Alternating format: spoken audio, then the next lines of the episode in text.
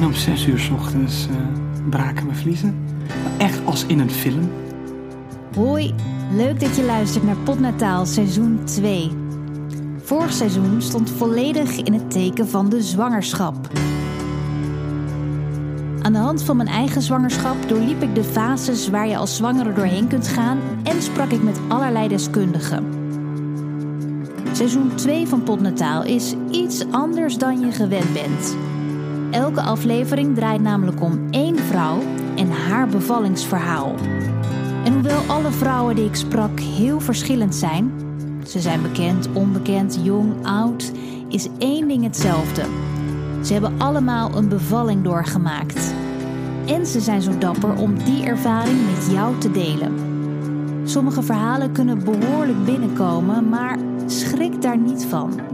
Want iedere bevalling is op zich uniek en het zegt uiteindelijk helemaal niets over hoe het bij jou zal gaan. Ik hoop vooral dat de verhalen zullen ontroeren, verbinden en dat je er misschien zelfs steun en tips uit kunt halen. Mijn naam is Simone Wijnands. Tijd voor aflevering 1.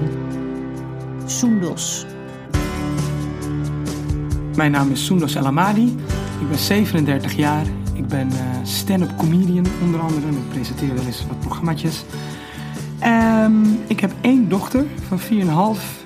Dus eh, ja, 4,5 jaar geleden bevallen van een eh, mooi dochtertje. En ik heb een man. Wat heel veel mensen niet verwachten. Ik straal een soort van alleenstaande moeder uit. Mensen vragen me heel vaak: heb je nog contact Is het zo? met de vader van je kind?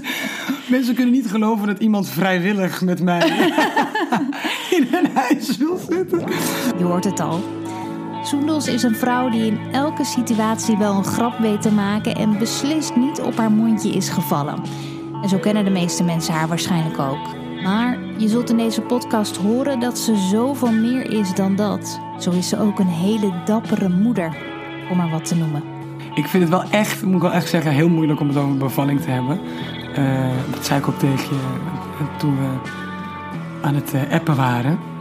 Ehm, ik heb ook wel eens dat als mensen het over hun bevalling hebben, dat ik licht in mijn hoofd word. Dat ik suiker nodig heb. Omdat het toch wel een traumatische ervaring was. Dus ik ben blij dat we ook bij mij thuis zitten. En dat, dat, dat voelt dan fijn. Dus ik ga dit verhaal ook één keer vertellen en daarna nooit meer. Exclusief. Voor jou. Hoewel ze dus makkelijk praat en veel kan oplossen met een lach, is het praten over de bevalling heel moeilijk voor haar. Extra bijzonder dus dat ze er met mij over in gesprek wil gaan. Ik was heel blij dat ik zwanger was. En dat zag je ook aan mijn hoofd. En mijn enkels en mijn dijen. Ik was lekker aan het eten en het genieten. Ehm, ja, dochtertje, dat wilde ik heel graag. Een meisje. Ehm, eh, een kleine mini-soendosje. Jongen was ik natuurlijk ook eh, blij mee geweest. Maar een meisje, dat, dat, dat, oh, helemaal blij. En ehm, nou, gewoon eh, niks aan het handje. Ehm, op een zondagavond was ik nog te gast. Ik doe nooit interviews met mijn man. Dus we waren te gast bij Jurgen Rijman. Eh, dat, was, dat waren zijn laatste afleveringen van eh Rijman is laat.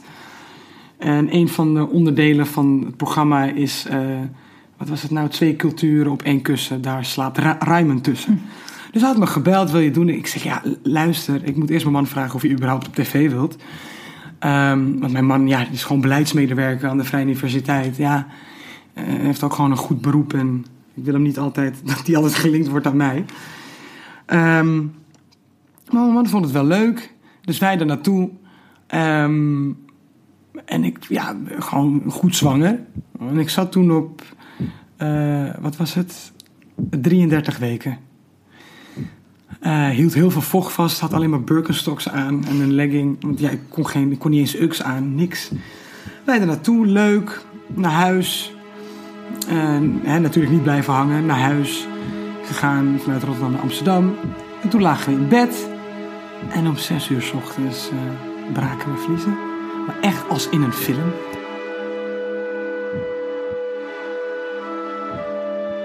Als in een film, inderdaad. Want grappig genoeg breken in het echt bij de meeste vrouwen de vliezen niet voordat de weeën beginnen. Dus dit was dan ook wel het laatste wat Soenos verwacht had. Dus eigenlijk alle vragen die ik stelde aan eh, de verloskundige van tevoren. Hè, hoe gaat het dan? Zie je allemaal, komt er allemaal water uit je vagina? En net als in de film. Nee joh, nee, dat gebeurt niet. Nee, dat gebeurt ook niet. Alles waarvan ze zei, nee joh, dat gebeurt niet, is uiteindelijk gebeurd. Maar in je, in je bed, In mijn bed. ze- had je al wel eh, voorbereid? Of, eh, nee, nee, ik lag gewoon ja. te pitten. Ja, nee, maar je, je moet toch op een gegeven moment bij een bepaalde week... dan moet Ja, je in maar- bed eh, een laken of zo'n zo'n waren matje en zo. niet. Nee. nee, nee, ik dacht, ik heb... dat was ook mijn laatste klus die ik deed, tussen aanhalingstekens. Ehm, en daarna zou ik met zwangerschapsverlof gaan, want ik wilde ook niet meer werken. Ik wilde niet meer optreden. En als ZZP bepaal je dat zelf. Maar ik denk dat mijn lichaam toen dacht, oké, hebben we nu rust? Let's go. We gaan ervoor. Ik denk ja. het wel. Weet weten we niet. Komen we niet achter. Ehm, eh, nou, ik weet wel dat als je een... Ik heb een miskraam gehad daarvoor. En eh, het vruchtje wilde niet weg. Dus toen kreeg ik een eh, curettage. En daar deden ze ook best wel makkelijk over in het ziekenhuis. Ik vroeg van, hè, maar heeft het een effect op een toekomstige zwangerschap? Want ik wil heel graag kinderen. Nee, nee, niks. Nee, nee, er gebeurt niks. En nu ben ik er dus nu achter gekomen, een paar maanden geleden, dat als je een curatage hebt gekregen, dat de kans dan groter is eh, op een eh, premature eh, baby, op een, Oh ja? op, een, ja, op een kortere zwangerschap. Maar dat zeggen ze dus niet Nee. tegen je. Dus ik ben, En waar, waar komt dat dan door? We- heb je dat weet ik niet. Dat weet ik niet. Ik, heb, ik ben gewoon een beetje boos op, eh, op, op, op eh, de ziekenhuizen, op artsen, op verloskundigen die elke keer met gewoon eh, halve informatie komen. Ik ben een leek, ik weet het niet, maar u heeft daarvoor voor gestudeerd, u weet dat. En als ik u een vraag stel, moet u mij gewoon de waarheid vertellen. Ja. En dat had ik tijdens de bevalling ook een aantal keren niet. Dat is denk ik ook de reden waarom ik het bij één kind heb gehouden. En ik denk ook niet dat er in de toekomst een tweede komt. Omdat ik het gewoon niet vertrouw. Straks hoor je wat er dan precies gebeurde tijdens haar bevalling.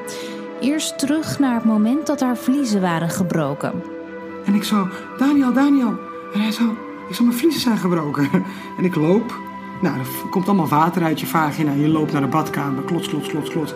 En ik op het toilet zitten. En ik denk alleen, oké, niet in paniek raken.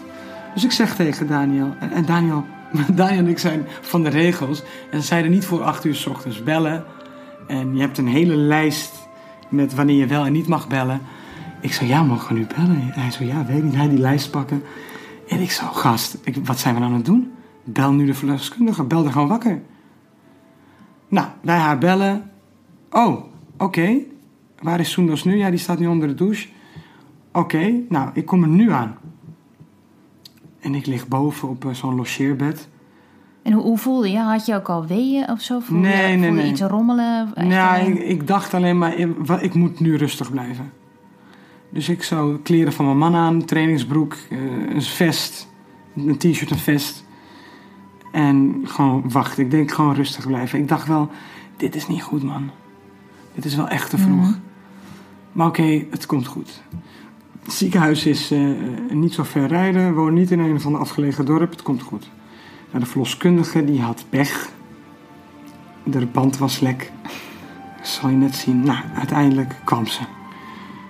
Nou, eh, ja, wat gaan we doen? Ik zeg, nou, ik wil met jou meerijden. Stel je voor, ben ik die vrouw die langs een snelweg opeens gaat baden.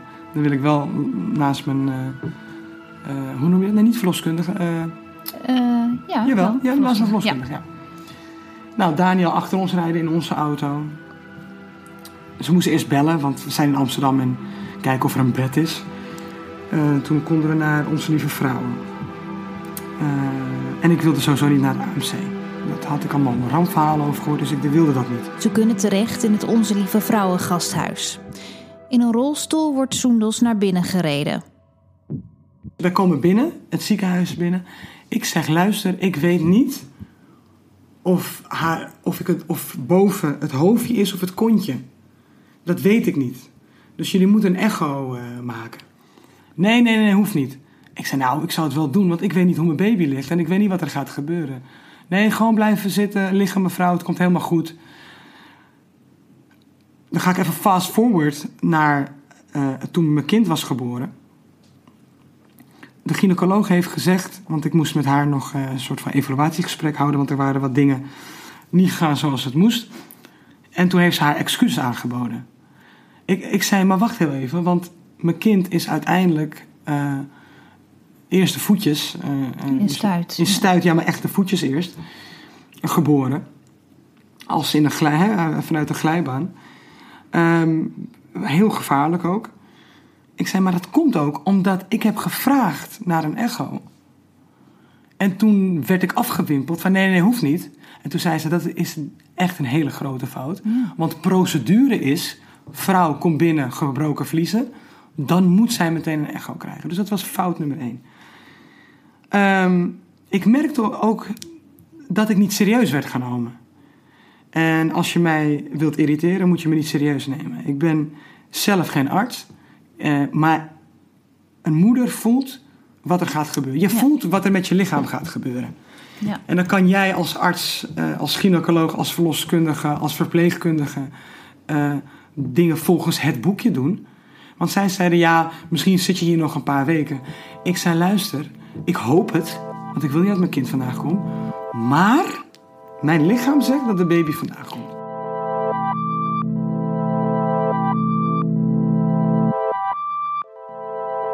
Soendos luistert naar haar lichaam, maar het ziekenhuis luistert niet naar haar op dat moment. Ze krijgt weeënremmers en een injectie om ervoor te zorgen dat de longetjes van de baby in versneld tempo rijpen. Voor het geval dat. En toen lag ik in het ziekenhuis. Um, ik wil moeder bellen. Uh, niet schrikken, ik lig in het ziekenhuis, maar waarschijnlijk lig ik hier nog wel even. Ik wilde ook niet dat zij erbij zou zijn, want die raakt zo snel in paniek en daar heb ik geen zin in. En mijn logisch, die was natuurlijk meteen bezorgd. Ja, ja, maar ik wilde haar niet daar hebben. Want ik dacht, ik kan niet nu met haar bezig. Ik kan niet nu haar gaan gerusten. terwijl ik hier lig. Ja. Ehm, nou, ze gaat met weerremmers. Uh, het kind werd gemonitord, hartslag, alles. Dus ik lag daar met allemaal uh, plakkertjes op de buik. Mijn man die mocht uh, daar slapen. Want het was alweer avond. Nou, gaan jullie maar slapen. We kregen ook nog een... hoe zeg je dat? Ze lieten de, de, de, premature afdeling zien. Van nou ja, waarschijnlijk komt de baby hier. Dat jullie dat alvast weten. En ik zit in een rolstoel. En ik zo, wacht heel even mevrouw, heel even hoor. En ik zat gewoon weeën weg te puffen. Zo, ja, ja, gaat u verder met uw uitleg. Die waren er opeens bijgekomen. In die waren er al de hele dag. Dus ik had weeën, maar ze probeerden die te remmen met weeremmers. Dus ik had gewoon de hele tijd weeën en dan zat iemand met me te praten. En dan zei ik wel heel even, wacht even, hold that thought. En dan ging ik weer, ging ik weer puffen. Ik denk, ja, nou ja, het zal wel normaal zijn. En ik heb best wel een hoge pijngrens. Want ik ben geen man. Dus maar oké, ehm, rondleiding. Het woord rondleiding zocht ik. Dus we hadden een rondleiding gekregen. Nou, op een gegeven moment in bed liggen. Ja, ga maar slapen. Ik zei, ja, maar ik heb... Ik kan niet slapen. Ja, we geven wel, wel een slaappil. En was er niemand die even je ontsluiting kwam checken? Ja, jawel, dat hebben ze wel gedaan. Maar ja, ik had, ik had ook wel... Weet je, ik heb verpleegkundige heel hoog zitten hoor. Maar echt heel hoog. Petje af. Ik had één vrouw... Eh, eh, nou, die, die komt nog. Dus zij zegt tegen mij, ja, slaappil. Ik zou, oké.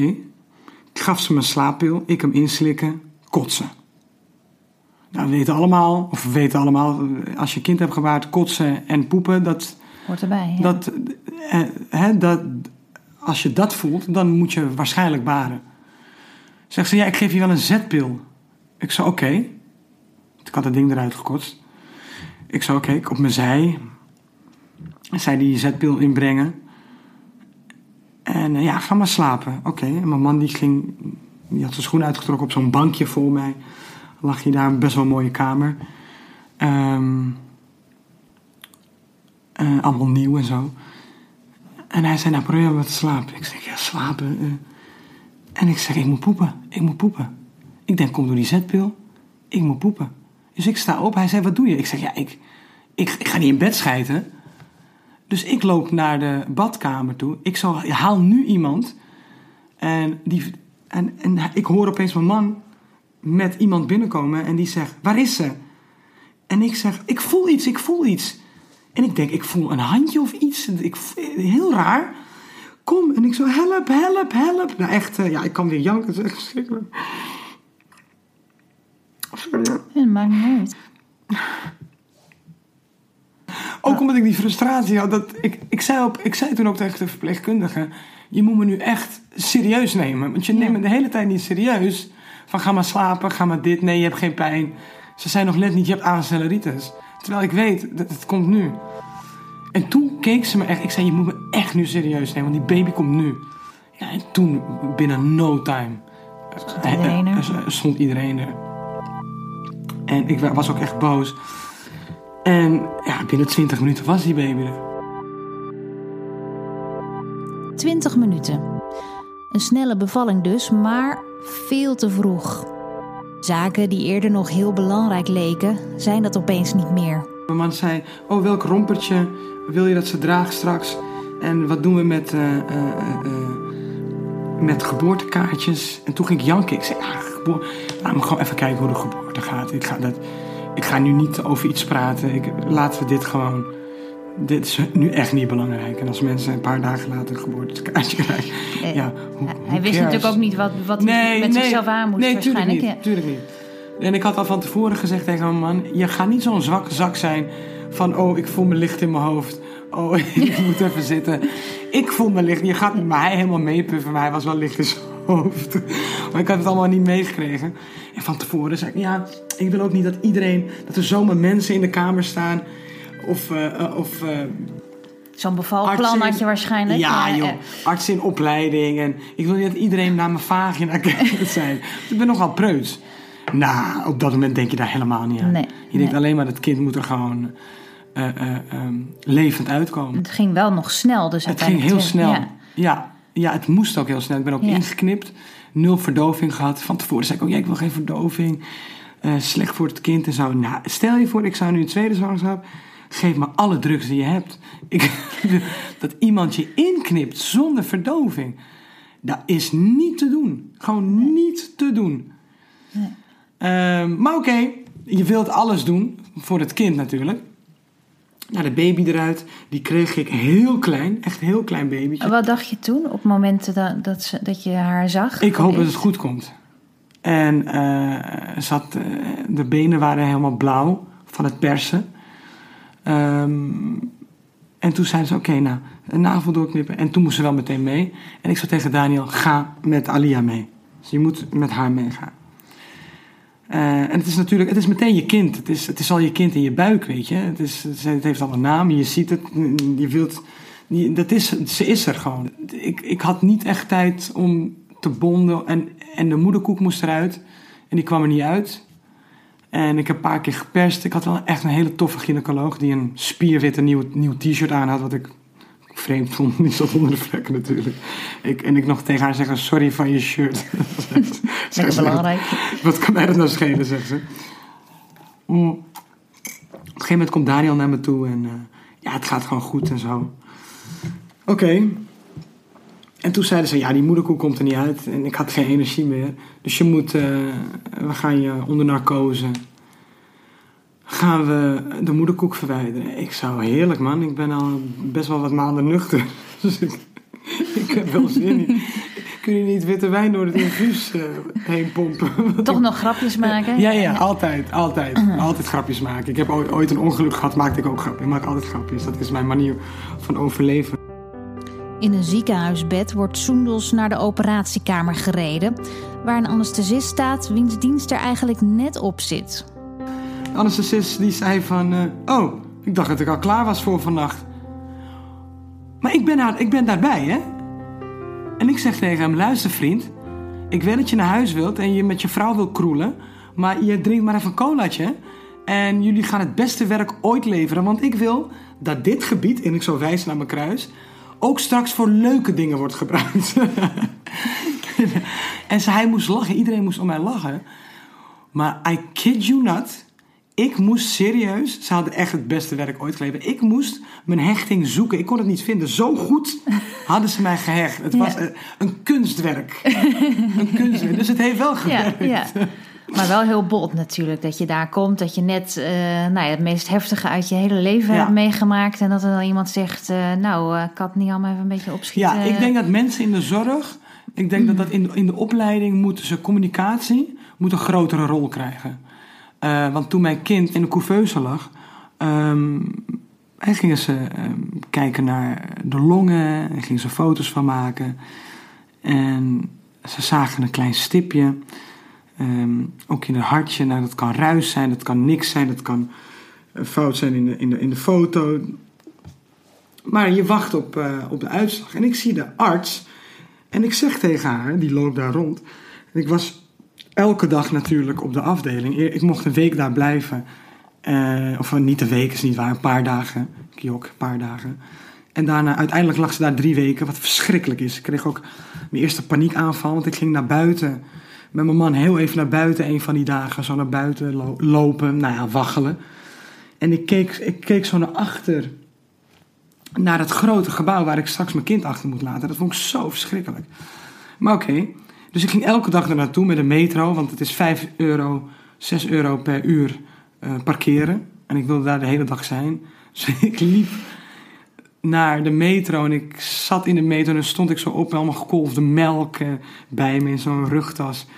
Maar mensen vonden me heel raar, van wat is haar probleem? Want ze wisten niet, is dat nou een hele dikke junk of een goed gevulde junk? Ja, Eh, eh, slaapt zij in de McDonald's of zo? Wat is, ze vonden wel, want ik stond zo, eh, en dan liep ik zo, maar het interesseerde me natuurlijk geen moer. En de laatste dagen ben ik gewoon met de auto gegaan. Ik denk, nou ja, dan ben ik maar een paar honderd euro kwijt. Ik vind het prima, ik kon niet meer, ik was kapot.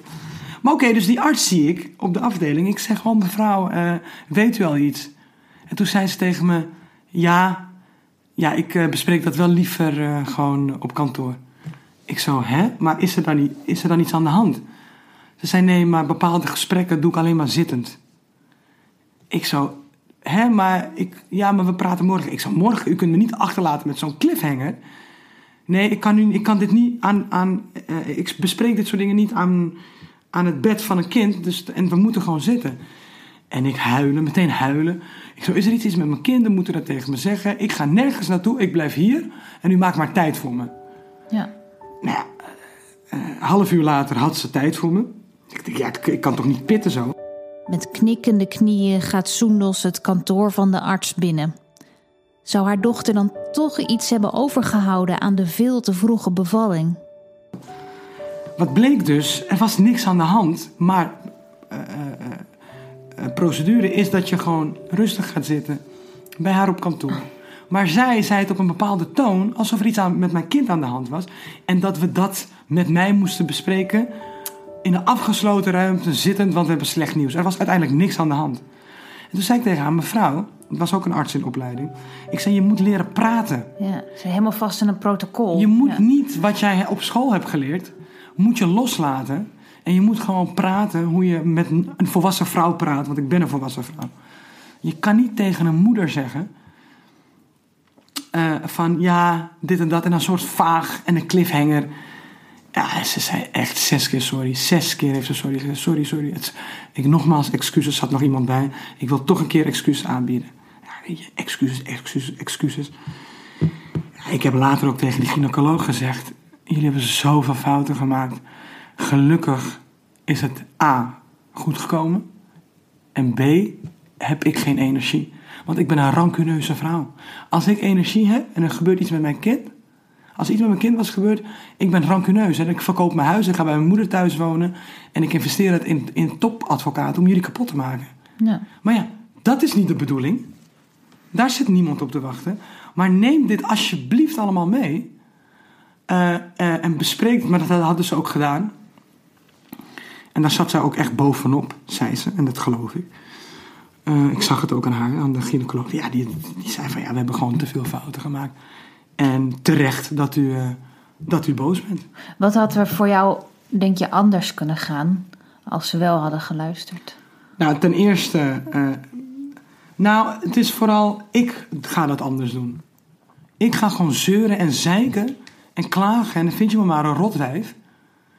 Totdat jij doet wat ik wil dat je doet. Het is niet dat ik mij niet uh, verbaal kan uiten. Ik ben heel duidelijk, ik vertel wat er aan de hand is en je doet er niks mee. Dus je kan niet zeggen van, oh, ik sprak in hints of ik was. Toch?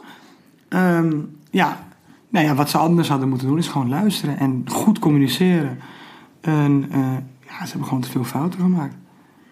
En hoe lang heeft ze daarna nog in het ziekenhuis gelegen? Ze heeft in totaal drie uh, weken. Ze heeft ook een, uh, een infectie gehad, wat heel vaak gebeurt bij premature baby's. Dat was verschrikkelijk. Ik dacht toen echt dat ze doodging. Uh, want dan vraag je aan een arts, komt het goed? Dan zegt hij, uh, ik kan daar niks over zeggen. En dat zo'n infectie, ja, premature baby's zijn natuurlijk heel, heel gevoelig. Dat kan door een infuus, die zit gewoon, ze heeft infuus in dat kleine polsje van de, dat handje. En ze ging huilen. Zo, en dan moesten ze het infuus weer opnieuw uh, plaatsen. En dat lukte niet. Nou, op een gegeven moment stonden drie mensen het infuusje te plaatsen. En Alia was zo moe dat ze niet meer huilde. Dat vond ik zo zielig. Dat zie je gewoon een baby gewoon net een vermoeid vogeltje. Geen traantjes, gewoon. Niks. Nee. Die, die lag daar gewoon van, ik kan niet meer. Ja, en toen, en toen moest ik dus, ik belde mijn man, want die was aan het werk, die probeerde een beetje te werken. Ik zei, schat, ja, het is niet, niets ernstigs hoor, maar het is wel heel fijn als je nu komt. Als we nog even in de keuken van Soendos zijn om een kopje koffie te pakken, zie ik foto's hangen van een stralend meisje met prachtige donkere krullen. Aan niets is te zien dat haar leventje ooit zo moeilijk begon. Het gaat heel goed met Alia en uh, ze is echt heel leuk. Ze is heel slim en ik weet dat iedereen dat over zijn eigen kind zegt. Maar dat, ik weet maar zij is het echt. Nou ja, maar zij, ik weet nog dat ze twee was. En toen gingen we naar een ehm, consultatiebureau. En dan allemaal hè, met dat praten en zo. Toen zei de vrouw van het consultatiebureau, die zei van ja, ja ze loopt wel een beetje achter um, uh, in de taal en in, de communicatie. En toen keek die vrouw aan en ik zei, het laatste waar ik bang voor ben, is dat mijn kind op een dag niet kan praten. dat is echt het laatste.